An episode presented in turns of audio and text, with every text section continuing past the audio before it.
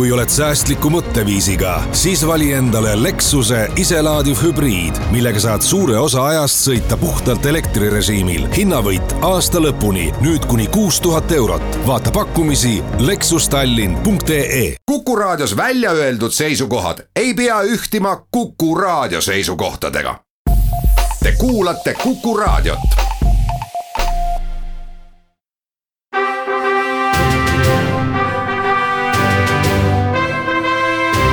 vahetund Tartu Postimehega tere päevast, head Kuku raadio kuulajad, on teisipäev, kümnes detsember ning algamas Tartu Postimehe raadiosaade ehk siis Vahetund Tartu Postimehega. täna on saatejuhiks Tartu Postimehe reporter Kaspar Koort ning tänases saate teises pooles räägime me pisut sporditeemadel, aga esimene saate pool on pühendatud märksa tõsistemat, tõsisematele teemadele, ehk et äh, tänase ajalehe Tartu Postimehe esiküljelgi äh, kirjutame siis sellest, kuidas äh, Tartu südalinnas reede öösel jäi kadunuks üks noor mees, kahekümne viie aastane tudeng Aiti Valk ning olen palunud siis täna stuudiosse seda teemat lahkama ja võib-olla üldse natukene inimeste kadumisest laiemalt rääkima Tartu jaos-, politseijaoskonna politseikapteni Ottomar Virga, tere! ja tere päevast! no võtame kohe kõigepealt siis ette selle viimatise sündmuse, ehk et kahekümne viie aastane noormees on kadunud, mis on praegu nii-öelda viimane, viimane seis sellega? tõesti, meil on äh, kahekümne viie aastane noor mees kadunud, äh, meie kõige äh, suurem jõupingutus käib alates sellest hetkest, kui me selle kadumisteate saime, kuni praeguse hetkeni selle nimel, et tuua ta koju tagasi ehk siis need otsingutegevused äh, sellistel puhkudel on hästi mastaapsed ja, ja lisaks sellele, äh, mis tehakse maastikul, ehk siis piirkondade läbivaatamised on, on veel suurem töö, käib erineva informatsiooniga, et praegu me oleme taastanud ta ähm, viimase teekonna enne seda kadumishetke, kus ta siis äh, kõigi jaoks äh, tabamatuks jäi, teame, mis teid tänavaid pidi ta liikus, äh, kus sõpradest lahku läks ja äh, see on siis jalakäijate silla ütleme, ülepoolne ots. On vaadatud ja vaadatakse veel läbi hulka videosalvestusi, sest noh, nende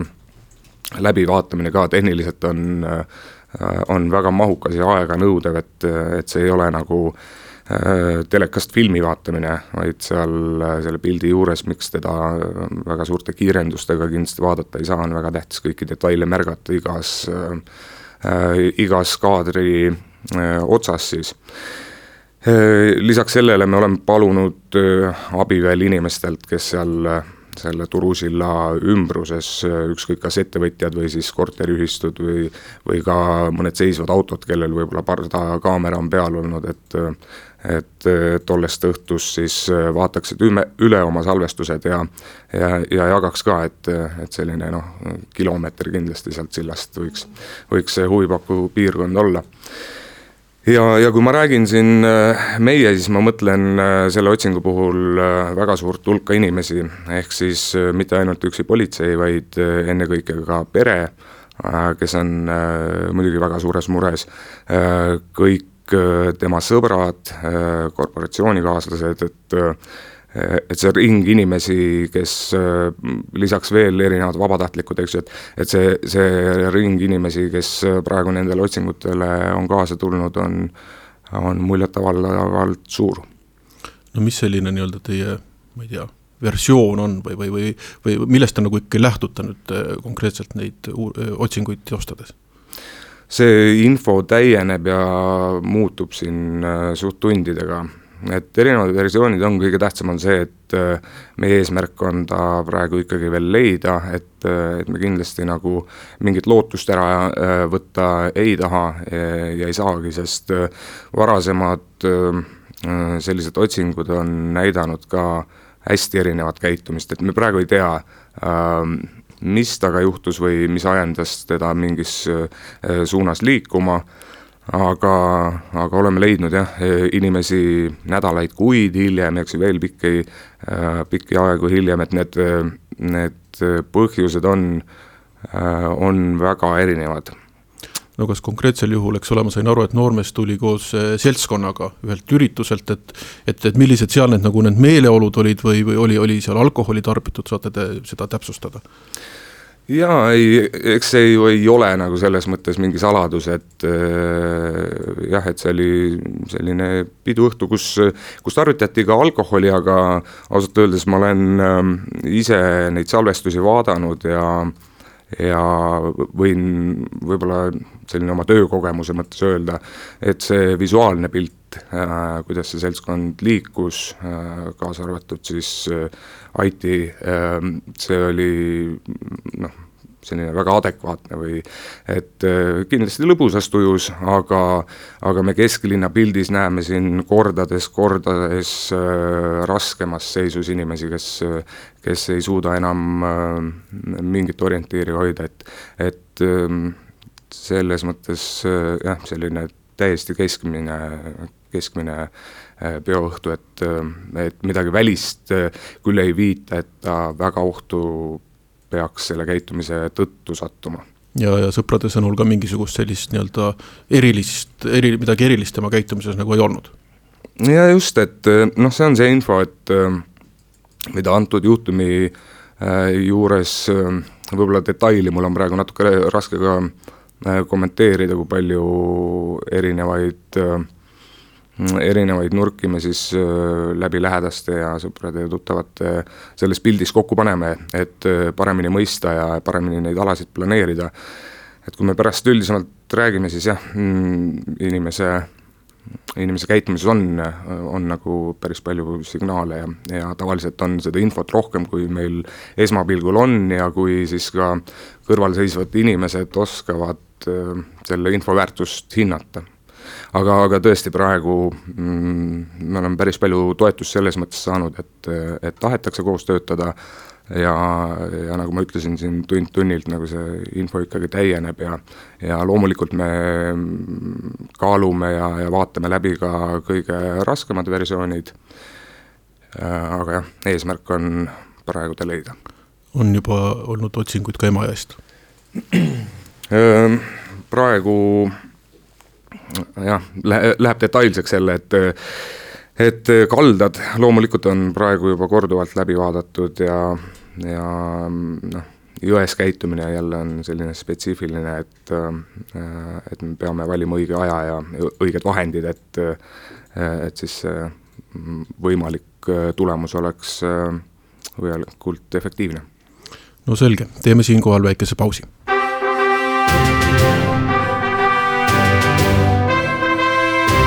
vahetund Tartu Postimehega. nõndaks, Vahetund Tartu Postimehega jätkab ning jätkame juttu politseikapten Ottomar Virkaga ja jätkame juttu siis inimeste kadumise teemadel ja, ja läheme siis nüüd nii-öelda natukene üldisemalt edasi ehk et sama, samas ka natukene jällegi konkreetsemalt, et täna hommikul laekus meie äh, postkasti, meilikasti järjekordne siis kiri ühe kadunud inimese kohta siin Tartus, Stanislav, ja, ja, ja sinna oli lisatud selline number, ehk et üle Eesti on tänavu juba teatatud nelja tuhande kolmesaja seitsmekümne ühest kadunud inimesest, see on ikka, võiks öelda, hoomamatu number tegelikult. jaa, eks ta numbrina on päris suur äh, ja see on nüüd see number, äh, kui palju teateid me aastas saame, eks ju, jah, umbes. ja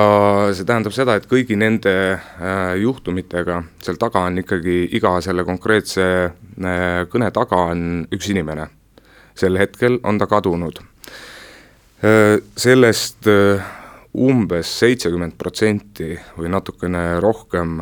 moodustavad alaealised. Ehk siis Need on äh, lapsed, äh, kes jooksevad ära kodust, äh, perekodust, kuskilt asenduskodud, kõik need sellised asutused ähm,, jooksevad ära regulaarselt. Nende puhul just eriti tihti nädalalõppudel siin on sellised pikemad perioodid, aga põhimõtteliselt ka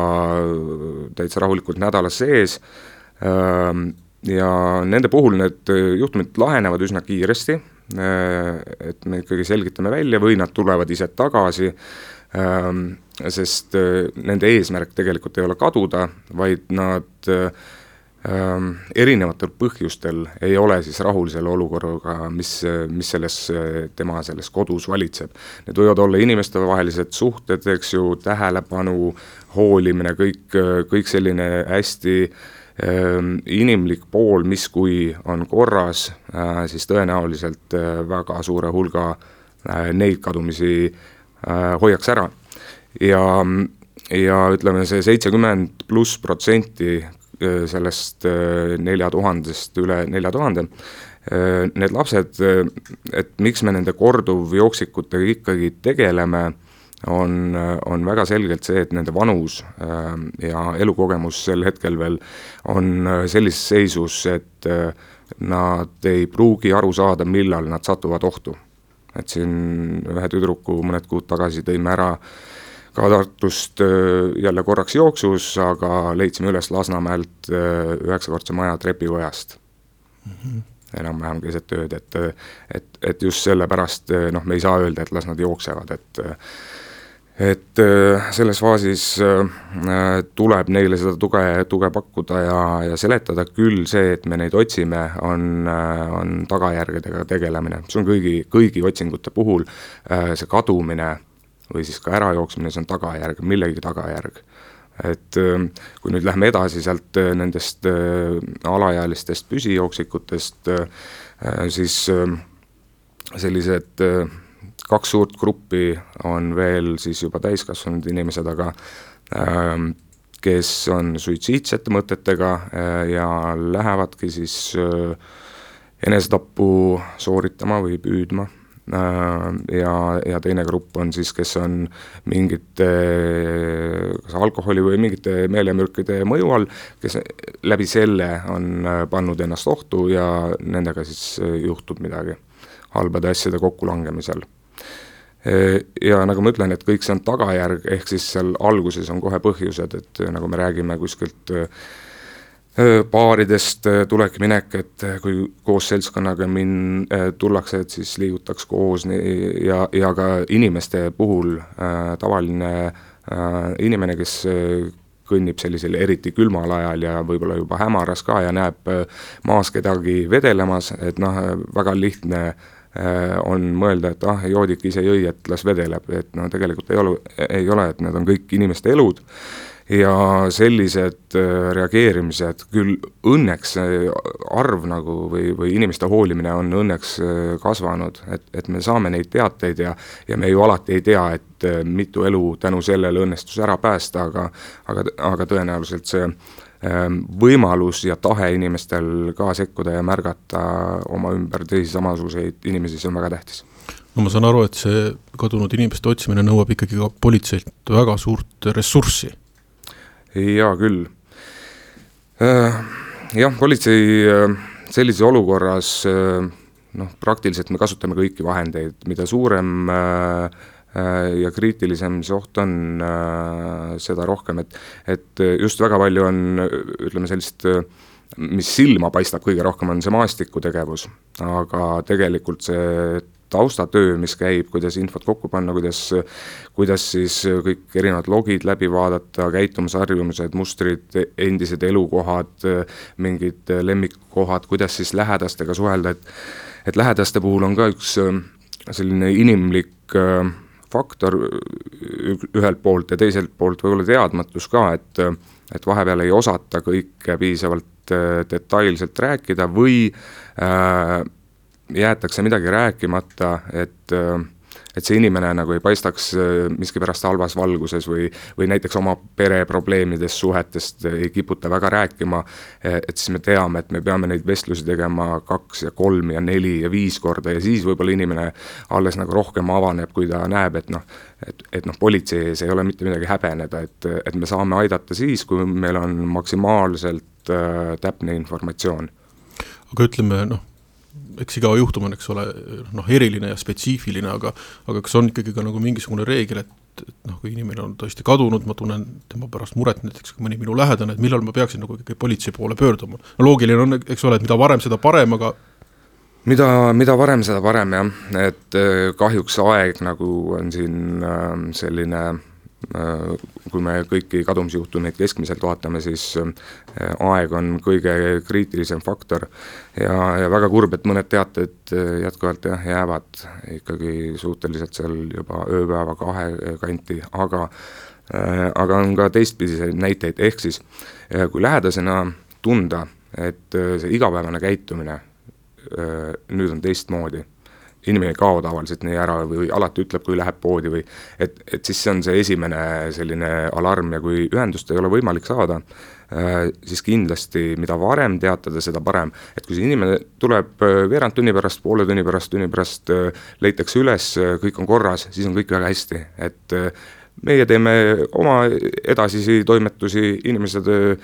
keegi ohus ei ole enam, eks ju, sellest ei ole midagi katki. palju halvem on see, et kui me saame siis jah, seal selline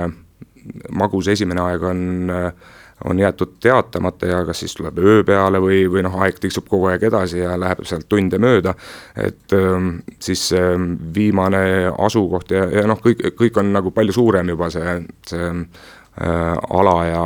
ja võimalused, kus siis seda otsingut teha. no siin nat-, no mitte väga ammu aega tagasi oli siin Tabivere kandis, eks ole, üks juhtum, kus ka üks vanem härrasmees kadus ära korraldati maastikuotsingud ja, ja temal läks selles mõttes hästi, et ta, ta leiti üles ja, ja kuigi tal olid, eks ole, vist ka alajahtumistunnused, aga ta ikkagi, ikkagi jäi elu juurde ja vist oli esimese asjana nõudnud pudelit viina. aga, aga on, on noh, kui, kui ütleme ikkagi asi juba sinna maastikuotsingute peale läheb, et, et noh, tegelikult oleme ausad, et kui, kui suur tegelikult seal see võimalus on, et inimene lõpuks ikkagi noh, leitakse elusana? ei, selles mõttes on päris kõrge, et äh, enamus inimesi me leiame ikka elusalt, et äh, neid on paar inimest aastas, kes, äh, kes siis erinevatel põhjustel surnuna leitakse. küll jah, siin on selliseid noh, mõnes mõttes nagu rekordijuhtumeid on ka siitsamast Tartust pärit eelmine, üle-eelmine aasta, ma praegu peast täpselt ei mäleta, aga ka väga eakas proua jäi kadunuks ja äh, ja otsisime teda pikalt äh, taga. Ja noh, meil on erinevad äh, teadmised on ju olemas, et kuidas inimesed võivad käituda ja, ja seal oli ka ähm, dementne inimene ja, ja neil üks selline joon on näiteks, et nad äh, oma väga varajasest eluetapist tuttavaid kohti tahavad üles leida või sinna minna ja see tundus nii uskumatu, aga kui me lõpuks saime teada, et algul seda infot ka ei olnud, et kus see võis olla, ja see oli Tartust viisteist kilomeetrit väljas, inimene, kellel muidu on liikumisraskused ja leidsime ta nädal aega hiljem Tartust viisteist kilomeetrit väljas, enne seda oli otsingutegevus käinud siin linnas sees ja suhteliselt viimasel hetkel niimoodi, et õnnestus ta elu päästa, aga, aga väga, väga kriitilises seisus juba. et, et sellepärast see info just on tähtis, et, et muidu me võime siin maastikul joosta, eks ju, viimases kohas, kus teda nähti, aga, aga info aitab väga palju edasi. No selge, väga tänan teid, Ottomar Virk, et tulite ja seda teemat avasite, loodame, et läheb kõik hästi ka selle Aiti juhtumiga ja siiski noor mees leitakse ilusasti üles nüüd teeme jällegi väikese pausi ning kui tagasi tuleme, siis Vahetund Tartu Postimees jätkab juba, Vahetund Tartu Postimehega jätkab juba sporditeemadel.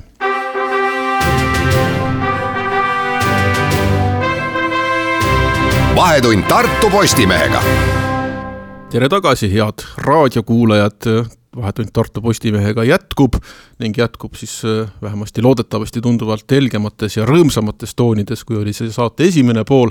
ehk et mina olen reporter Kaspar Koort ja minuga koos on siin nüüd Tartu Postimehe reporter, täpsustades isegi veel spordireporter Lenel Karu, tere! tere, tere! ehk siis me räägime spordijuttu ja spordijuttu alustame kohe asjaga, ehk et eile õhtul olid sa siis Elvas ja sa oled seal Elvas varemgi olnud just nimelt sellel põhjusel, eks ole, et Elva mm, linn siis on, on saanud endale ju tõelise kangelase siin viimastel aegadel koos Ott Tänakuga autoralli maailmameistriks kroonitud Martin Järveoja. sa käisid, eks ole, Elvas siis kohal, kui võeti vastu tema ema, kes tuli, kes tuli Katalooniast, kui, kui poiss oli maailmameistritiitli ära kindlustanud koos äh, kodanik Tänakuga ja nüüd siis, eks ole, eile oli, oli päris äh, pidulik vastuvõtt siis Elva kultuurikeskuses. kui palju rahvast eile oli kohal Elvas? kui no, palju sa nägid? no ma ei näinudki ühtegi vaba istekohta, et terve Elva Kultuurikeskuse saal, mis on siis Elvas kõige suurem saal, oli täiesti rahvast täis ja osad pidid isegi seisma. nii et äh, päid kokku ei lugenud, aga oli selge, et nii palju, kui sinna mahub, nii palju rahvast oli ka kohal. ja millised olid meeleolud? No siis, kui Martin Järveoja sisse astus, siis kõik äh, tõusid püsti, plaksutasid äh,, oli pisaraid ka, et mõni ei olnud vist lähedalt tükk aega näinud. ja, ja siis, kui räägiti rohkem äh, nii-öelda siis ralliteemadest kui ka muudest, siis inimesed elavnesid, hakkasid küsima erinevaid küsimusi, uuriti ikka, kumb parem on, kas Toyota või Hyundai ja igasuguseid muid teemasid, ja pärast autogrammi rida oli päris pikk, et mõni pidi seal ikka oma kuuskümmend minutit ootama, enne kui sai õige autogrammi nii-öelda kirja no ütleme niimoodi, et ega ei Ott Tänak ega Martin Järveoja sellised mehed väga ei ole, kes siin ka Eesti ajakirjanikele niisama äh, lõdvarandmega intervjuusid jagavad, et siin hea kolleeg Priit Pullerits, kes ka meie toimetuses istub, sai ju Martin Järveoja äh, nõndaviisi nüüd enda arterisse kätte, et eelmisel aastal vist oli Järveoja talle lubanud, et kui me maailmameistriks tuleme, on ju, et siis, et siis, siis ma selle intervjuu annan ja selle, selle lubadusega ta täitis, aga, aga mis mulje siis Martin Järveoja inimesena jättis seal eilisel üritusel? No eks ta on selles mõttes selline veidi kohmetu, et ta ei ole kindlasti selline ülimalt edev, et äh, vastab äh, ausalt, äh, konkreetselt, mitte väga pikalt aga ta on väga sõbralik ja väga tore oli näha seda, et, et ta võttis oma lapsed lavale kaasa ja ja ei üldse ei peljanud nagu näidata oma peret ja täpselt sellist äh, inimest, nagu ta on, et kokkuvõttes äh, ja pidas väga hästi vastu äh, kõik kingitused, küsimused, mis iganes põiked, mis pärast vastuvõttu olid, et oli näha, et jah, ta ei ole harjunud sellise tähelepanuga, aga mitte kellelegi nähvama jaganud, et väga, väga positiivse mulje tegelikult ikkagi jättis, ma arvan mm. -hmm. no ta elab tegelikult, kui ta siin Eestis üldse on, siis ta vist elab, elab ikkagi Sakus nüüd juba mingi. ja, ja ajad. ta ütles ka, et Elvasse satub ikkagi üsna-üsna harva nüüd juba uh. -huh. aga kas Elva rahvale puhul ikkagi tundus, et noh, nende jaoks oli ta ikkagi või on, on, on ikkagi noh, nii-öelda nagu oma poiss ja oma poeg? Ja seal oli väga palju inimesi, kes, kes on tema õpetajad olnud ja tema vanad treenerid ja trennikaaslased, et ei, eks ikka kõik teavad ja tunnevad teda nägupidi ja ja noh, ikka ju, kes ei ole kaua näinud, niimoodi vaatab alguses eemalt, piilub, aga, aga mindi juurde kallistati julgelt, et et ma arvan, et on ikkagi jätnud selle sooja mulje, mis tal alati nagu kodulinnas on olnud ja ja ma arvan, et ta on ikkagi väga, väga tähtis nüüd, eriti nende jaoks, et neil on oma, oma meist-, maailmameister linnas eh, kas eh, küsiti tema käest ka seal selliseid küsimusi umbes, eh, et, et noh, et kui suur protsent selles maailmameistritiitlis, ütleme, et kui suure protsendi me saame just nimelt kodanik kaardilugejale panna, kui palju seal sõltub noh, piloodist, kui palju meeskonnast, aga et, et kui palju nõustus ta nii-öelda endale võtma seda maailmameistritiitli noh, nii-öelda toomise au? Ja seal oli tegelikult üks huvitav äh, näide, et eelmisel aastal, äh, kui äh, kaardilugeja sai nii-öelda maailmameistri karika asemel taldriku ja piloot sai karika, siis kaardilugeja võttis väga sõna sel teemal, et mis mõttes on kaardilugeja siis väärt taldrikut ja ja sealt hakkas vist see teema rohkem kerima, et Martin ütles, et tänaseks nad said mõlemad võrdsed karikad ja ta tunneb ennast ka võrdsena, et tema ütles lihtsalt, et tema vastutus on pigem kõige suurem enne rallit, enne neid katseid ja tegelikult ka pärast, et ja siis piloodil on noh, tema on see, kes sõidab, et selles mõttes temast sõltub ikkagi ka väga palju, aga kokkuvõttes ta ikkagi, ikkagi iseloomustas ennast üsna võrdsena, aga samas, kui oli küsimus, et et mis ta meeskonnavahetusest arvab kui palju ta sekkus, siis ta ütles, et noh, et seal, seal kohas ta nagu sai aru, et, et et ta jätab selle teema ikkagi rohkem nagu Oti hallata, et Ott on see, kes seda pedaali peab vajutama seal ja üldse ist- äh,, sõitma. et äh,, et mõnes küsimuses tundus olevat natuke tagasihoidlikum, aga üldiselt ikkagi rääkis nagu suurest tööst äh, nagu selg selja kõrval koos no kui palju ta sellel Ott Tänaku isikuteemadel, äh, kui palju ta seda, ütleme, puudutas, et noh, et äh, Ott Tänak saarlasena, teame üldse, saarlased on väga keerulised isikud, et, et kui palju ta võib-olla sellised nii-öelda omavahelistes, omavaheliste suhete teemat puudutas või kui palju sellel teemal näiteks küsiti? Äh, alguses äh, jah, see vestlusõhtu alguses küsiti küll, et ta ütleski, et kui neil on näiteks äh, üks katse saab läbi, nad on parklas, siis nad ei ole koos. et üks on ühel pool, teine teisel pool ja, ja ta ütles küll, et eks seal autos koos olemine, et ta rääkis ühe näite, kuidas oli üks, see oli vahetult enne viimast katset, mis nad siis võitja, võitjaks tegi.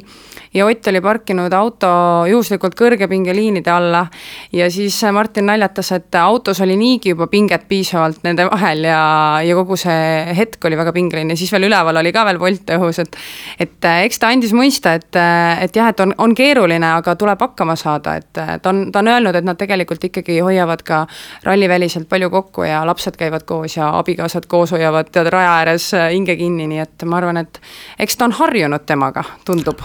kas ta on, noh, ta on ju tegelikult veel väga noor mees.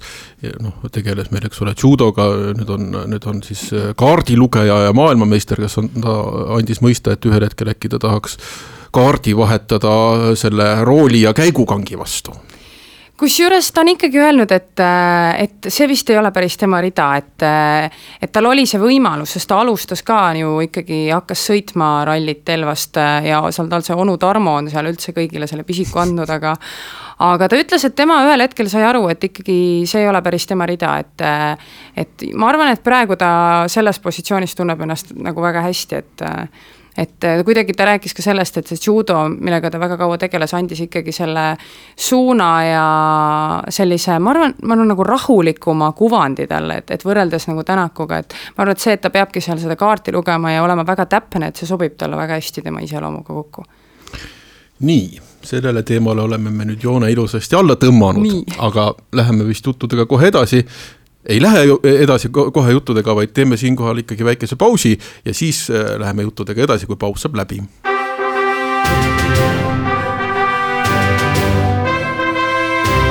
vahetund Tartu Postimehega. Vahetund Tartu Postimehega jätkub, stuudios reporter Kaspar Koort ja spordireporter Lenel Karu esimeses, meie vestluse esimeses pooles siis rääkisime autoralli maailmameistriks tulnud äh, Martin Järveojast ja nüüd läheme sujuvalt edasi teise teema juurde. Ehk et meil on vahepeal selgunud ka Tartu linna aasta parimad sportlased. mina olen äh, Tartu Postimehes äh, töötanud aastast kaks tuhat viisteist ja, ja enne seda, kui Lenel tuli meie tubliks spordireporteriks, puutusin ka sporditeemadega põgusalt kokku ja mulle tuleb nagu justkui tuttav ette et täpselt sellel samal, samadel, samade nimedega suuresti olen ka mina selliseid samasuguseid lugusid kirjutanud äh, siin viimastel aastatel, ehk et Tartu parimaks naissportlaseks valitakse Julia Beljajeva ja Tartu parimaks meessportlaseks valitakse Rasmus Augasmägi, esimene meil siis vehkleja ja teine siis veemotosportlane, aga no midagi pole teha, kui Julia Beljajev, eks ole, tänavu võitis maailma karikaetapi vehklemises, Rasmus Augamägi võitis juba jumal teab mitmendat korda maailmameistritiitli ja tuli ka Euroopa meistriks, siis mis meil, mis meil siis üle jääb, tekib küsimus. Või ma küsin, Lenel, sinu käest, tähendab see ikkagi seda, et, et Tartu spordi nii-öelda kõige teravam tipp või see päris püramiid on ikka päris õbluke? no tegelikult mul endal tekkis sama küsimus, et, et tahaks ju, mitte et mul oleks kahju, et nad nii tublid on, aga tahaks ikka uusi inimesi ka näha, aga kokkuvõttes hakkab ikkagi määrama, kui ma rääkisin ka sporditeenistuse juhatajaga Tartus, et et noh, kui sa ikkagi oled maailmameister, siis on natuke teine asi, kui sa oled tiitlivõistluste võitja, et midagi ei ole teha, et nii mõnigi teine sportlane on mulle siin maininud, et aga no tal ei ole ju seal veemotos niikuinii väga konkurentsi, et noh, et tal ongi nii lihtne seda võita. Ja noh, jah, kindlasti sellel, seal ei ole täpselt sama mastaap, mis mõnel muul spordialal, aga ikkagi sa ei saa ära võtta seda suurt tiitlit, et midagi ei ole teha, et need on nagu väga silmnähtavad võidud ja tuleb lihtsalt veel rohkem pingutada ja anda tuld kandudesse neile. nojah, aga samal ajal, kui me võtamegi seda, et ega veemotosport ei ole meil ju ka tühjagi olümpiaala, eks ole, ja teiselt poolt seesama autoralli, millest me enne, ennist rääkisime, samamoodi võiks ju võib-olla Elvakad korraldada praegu pikk, noh, tõsi, Elvakatel pole põhjust Tartusse piketeerima tulla, aga võiks ju küsida, et ütleme teoreetiliselt, et kui Martin Järveoja oleks pärit Tartust, kas siis äkki oleks hoopis tema võinud olla meil Tartu aasta sportlane kaardilugeja? ma arvan küll, sest et Tartumaa sporditäheks ta ju valiti, aga see oli Tartumaa, et äh, mulle kinni, ma sain väga kindla vastuse ka selles osas, et et just nimelt need on Tartu linna sportlased ja nad peavad olema siit reaalselt siin sündinud, et, äh, et kui oleks valida Tartumaa või siin lähipiirkonnad, siis võib-olla oleks isegi seis teine. aga sündinud, ega nad ju tegelikult ka kumbki vist ei Beljajeva ega Haugasmägi praegu Tartus reaalselt vist väga ei ela või elavad või? Haugasmägi tegutseb küll äh, Tartus väga usinalt, et ta teeb siin teist tööd ka ja Beljajeva on äh, minu andmetel ka, ta on siin treener, aga, aga ta jah, tema reisib nüüd rohkem ringi, et mul, mul on, on teda väga raske tabada aeg-ajalt. aga mulle tundub, et nad on ikkagi äh, üsna tihedalt seotud siin, et ikka Rasmus äh, Haugasmägi ikkagi igapäevaselt ja Julia minu arust ka ikkagi iganädalaselt on siin. Mm, seda on, seda on rõõm kuulda, aga kui sa siin nüüd ka oled kodanike asjatundjatega arutanud, et, et kui noh, kui palju seal üldse ütleme ikkagi tekkis ka mingisuguseid selliseid arutelusid näiteks selle võitja teemadel või tegelikult ikkagi oligi algusest peale juba selge, et Beljajeva, Haugasmägi ja, ja ega siin muid variante pole. ma sain aru, äh, et jah, nende puhul seal ei olnud väga muid variante, küll oli seal äh, treenerite valdkonnas äh, vist mitu kandidaati ja ka võistkonna, võistkonna variantide hulgas, aga aga tõepoolest, et nende kahe puhul ilmselt on asi ka selles, et mõned teised sportlased on, kes on ka väga tublid, on nooremad, et, et näiteks noh, Madis Mihkelson ka ikkagi suuri asju ära teinud siin see aasta, et isegi aastateol ta siin kandideerib, eks ole, aga ta on lihtsalt noorem. Et ta peab lihtsalt äh, vanemaks saama, võib-olla ta siis napsab ära selle tiitli, et äh, et tundub jah, praegu, et neid, neid kahte kuidagi nende vanuseklassis ja nende nii-öelda siis võistluste maailma mastaabis ei ole hetkel kedagi kõrval no mis spordialad meil siin Tartus veel tublid on, lisaks vehklemisele ja veemotospordile, korvpall vist praegu väga ei ole või on või? korvpall, korvpall ootab oma uut hiilgeaega, no korvpallur käib edasi-tagasi jah, olgem ausad. aga sulgpall on tegelikult ju ka väga tubli, et olgem ausad, Kristin Kuuba on ikkagi siit pärit ja väga kõrgelt äh, tegutseb maailmas praegu. nii et, äh, et siin hakkabki nagu jooksma käärid selle peale ka, et mis on siis olümpiaala, mis ei ole. et äh, neid nii mõnigi treener, kellega ma olen rääkinud, ütleb, et kuidas neid üldse kõrvutada tohiks. et ilmselgelt olümpiaaladel on rohkem rahastust, rohkem toetust just, seega neil on ka suuremad võimalused arenemiseks ja et meie teeme siin samamoodi kõva tööd. aga vot see on, see on see koht, kus kõik vangutavad pead ja ütlevad, et mis teha, noh, nii on. et ütleme nii, et tegelikult jah, äh, meil on siin äh, noormaadlejad on ka minu arust väga tublid, et käivad, äh, võidavad siin Venemaa oligarhide juures igasuguseid huvitavaid võistlusi enda vanusekategoorias ja ja noh Tammeka oli viies premium-liigas, et minu arust ka ju tublid, et ma ei ütleks kindlasti, et nüüd nende konkreetsete nimede järgi saab võtta, et need kaks ala on nüüd kõige, kõige tähtsamad, et üks huvitav äh, asi, mis on läinud tõesti populaarsemaks, ongi jalgrattasport, et Rene Mandre ütles ise ka, et varasemalt ei ole jalgrattasporti kui võistkonnaala käsitletud, et aga tegelikult veedavad nad sadulas koos palju rohkem tunde kui võib-olla korvpallurid saalis. Nii et see, et jalgrattasport sai võistkonnaalaks äh, aasta tiitli, et see on päris huvitav näiteks no kui sa oled nüüd erinevate treeneritega siin sidemeid loonud ja nendega rääkinud, et, et kui sa oled diktofoni näiteks välja lülitanud, et, et, et kui siis kodanikud võtavad sul käest kinni, mida nad siis nagu ütlevad, et mis, mis nagu sulle nagu praegu sellised esimesed muljed on, et mis võib-olla ikkagi need Tartu spordielu sellised võib-olla kõige suuremad kitsaskohad tegelikult võiks nagu üldse olla? Kuidas sulle tundub? Mm, no esimene asi oli see, et äh, ma sain väga tugevalt äh, kriitikat selle üle, et miks räägitakse ainult korvpallist ja jalgpallist. et äh, meie oleme ka olemas. et väga tihti tunnevad mitmed teised spordiala edendajad, et neid ei märgata ja neist ei räägita et see on see asi, et, et eks siin käib niisugune olelusvõitlus natukene. see on üks asi ja kindlasti jah, ma kuulen pidevalt seda olümpia ja mitteolümpiaalade kääre. et äh, kuigi mina ei ole see, kes midagi muuta saaks, aga vahepeal vaadatakse otsa nii, et võta ja tee nüüd midagi, et, et muuda see nüüd kuidagi võrdsemaks, et äh, aga kahjuks nii on, et äh, ühed võistlevad ühes mastaabis, teised teises no meil on Tartus, eks ole, suur Tartu Ülikooli spordiklubi, meil on siin veel teisi suuri spordiklubisid, et ja nagu sa juba ennist ka ütlesid, eks ole, et maadlejad, noored teevad meil suuri tegusid ja sulgpallurid, et et tegelikult ikkagi tundub, et sporti ju Tartus tehakse ka väga nagu äh, laste ja noorte tasandil mm, -hmm. ehk et minu küsimus nüüd ongi edasi sealt, et, et, et võiks ju nagu ka eeldada tegelikult ikkagi, et ka neid tippe kasvab sellest suurest vundamendist rohkem välja ja meil siis võiks olla juba mõne aasta pärast rohkem neid kodanikke, kes sellele Tartu aasta parimale sportlasele kandideerivad, kui ainult Beljajeva ja Haugasmägi. näed sa, et tehakse meil head noortetööd? mina näen küll, et äh, juba tegelikult see, et aasta sportlase nominatsioonis on väga palju treenereid, on Tartust ja minu arust see näitab seda, et äh, meie noored on heades kätes. ja nii palju, kui ma hiljuti ma käisin näiteks vaatamas judo karikavõistlusi, siis ütles ka Andres Põhjala ja ütles, et tegelikult uusi kandidaate Tartu tooklubist judole, kes võiksid äh, teha väga suuri tegusid, et neid kasvab peale, et et mulle tundub jah, et, et mõne aasta pärast on see olukord teine ja nimekiri nagu suurem, aga, aga sageli võib-olla võib-olla me isegi ei oska näha seda noorte sportlaste potentsiaali, et et võib-olla noorsportlaste võistlustaset ei, ei hinnata nii suureks ja kuigi seal on ka konkurents ja seal on tegelikult äh, noored ju alles arenevad, et nad võivad palju kiiremini vigastusi saada ja selliseid asju, aga mina, mina näen optimistlikult seda küll jah, praegu. noh, aasta hakkab läbi saama kindlasti sa järgmisel aastal jätkad oma tubli, tubli tööd eh, siin Tartu Postimehes, millega sa oled väga ilusasti alustanud mis sa järgmisest spordiaastast muidu ootad kah? no tegelikult, kuna järgmine aasta on või noh, järgmine aasta on jälle suur samm olümpiamängude poole, siis mina tegelikult väga hoian pöialt, et, et oleks äkki ikkagi Tartust ka keegi, kes sinna saaks, aga noh, eks me näe. ja samamoodi ma tean, et tuleb väga palju maailmameistrivõistlusi ja igasugu suvel tuleb väga palju huvitavaid võistlusi, et ma ootan, ma ootan tulemusi, et ma olen ka võib-olla see, kes hoiab kätt pulsil ja samas äh, ma võib-olla julgustangi erinevaid spordiedendajaid, kes meil siin Tartus on, et endast tuleks nagu rohkem märku anda, et et keegi ei näe, et sa sporti teed, kui sa, kui sa ei tule sellest rääkima, et paljud sportlased ei taha ennast kiita, sest nad mõtlevad, et noh, kuidas ma nüüd tulen ja räägin, et mina olin nii tubli, aga aga see on tegelikult äh, minu arvates nii treenerite kui ka klubide ülesanne, et muidu me loemegi siin kahest-kolmest nimest kogu aeg, nii et ma ootaks uusi tegijaid ja uusi alasid.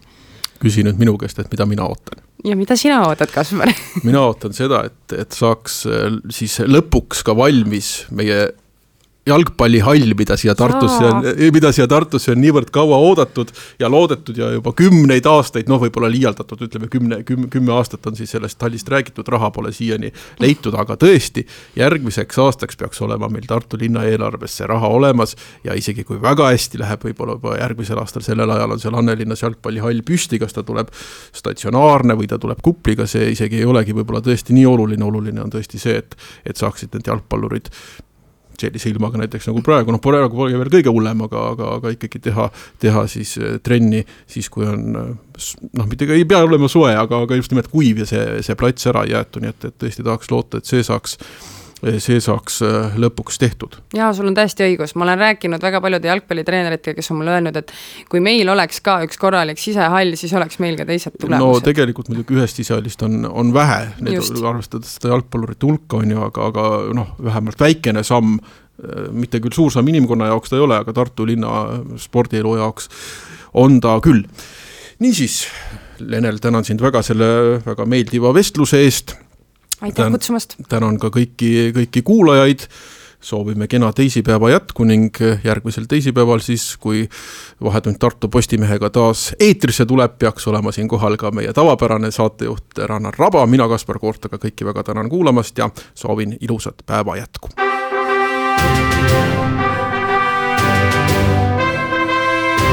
vahetund Tartu Postimehega